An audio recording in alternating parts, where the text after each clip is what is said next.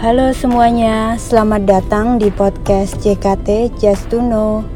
Podcast yang membahas semua informasi yang ada di sekitar kita.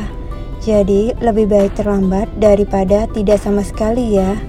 Oke, podcast JKT Just to Know season 1 bertema mengenai Gaya milenial, gaya investasi Generasi milenial atau disebut juga generasi Y terbentuk bagi mereka yang lahir pada tahun 1980-an sampai dengan awal tahun 2000 sebagai akhir kelahiran.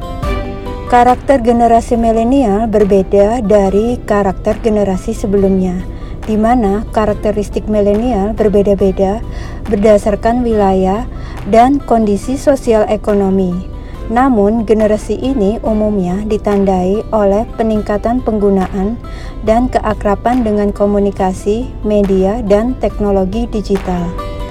Gaya hidup milenial berbeda dengan gaya orang tua mereka, di mana gaya hidup milenial itu mandiri, bebas, dan serba cepat atau instan.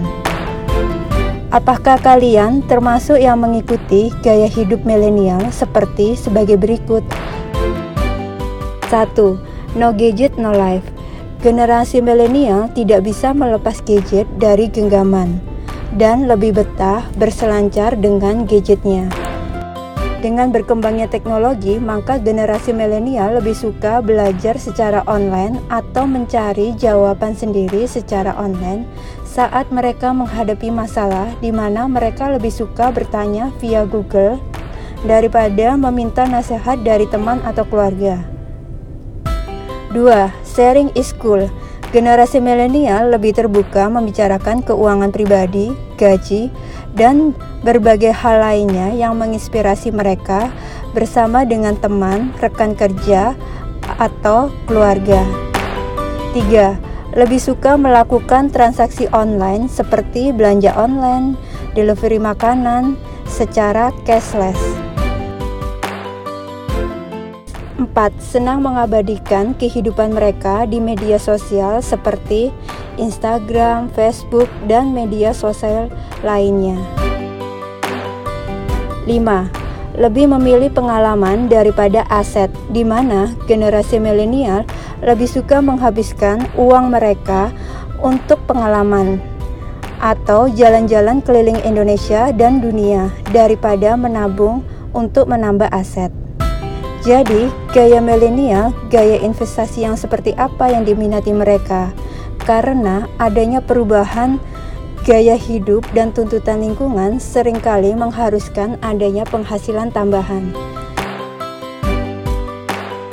Hingga tingginya arus informasi mengenai investasi membuka mata milenial untuk mulai berinvestasi. Misalkan 1. Investasi reksadana Model investasi ini resikonya relatif lebih rendah dan memiliki manajer keuangan yang baik, serta telah banyak platform e-commerce yang menyediakan reksadana dengan mudah.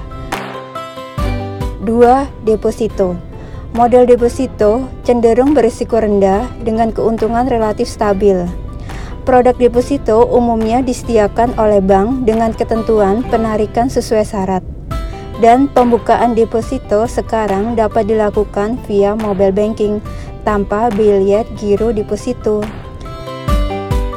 3. Investasi saham. Model investasi ini memiliki risiko yang tinggi sebanding dengan hasil yang didapatnya dan keuntungan yang memuaskan. Selain itu, banyaknya aplikasi atau platform investasi saham ini menjadikan milenial harus berhati-hati dalam penggunaannya dan mengetahui legalitas perusahaan tersebut.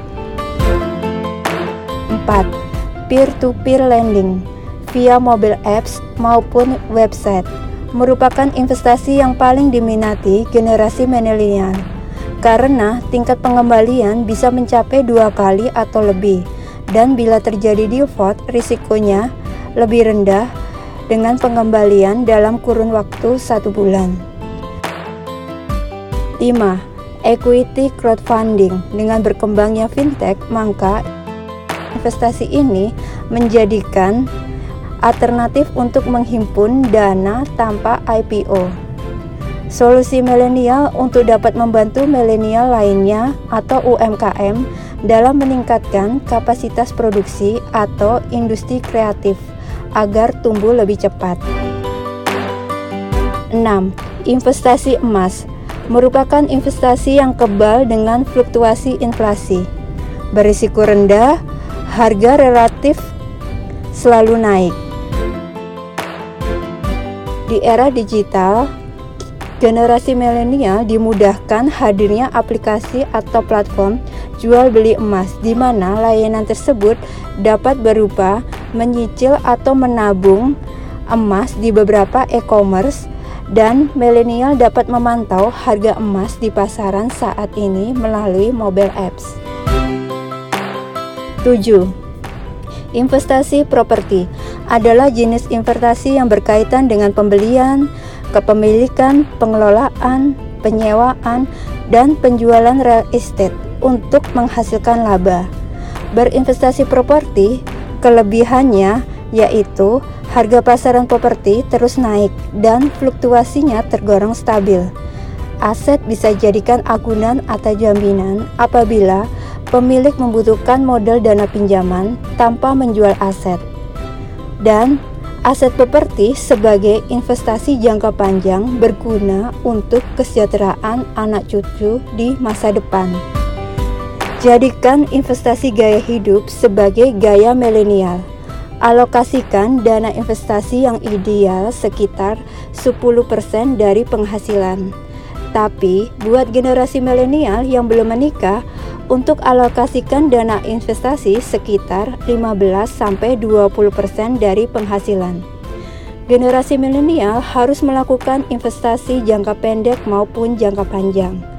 Dengan berinvestasi sejak muda atau di usia produktif, maka memiliki waktu yang cukup untuk belajar dan mencapai berbagai tujuan keuangan, misalkan untuk DP beli rumah, beli mobil, membuka usaha bisnis, dan lain sebagainya.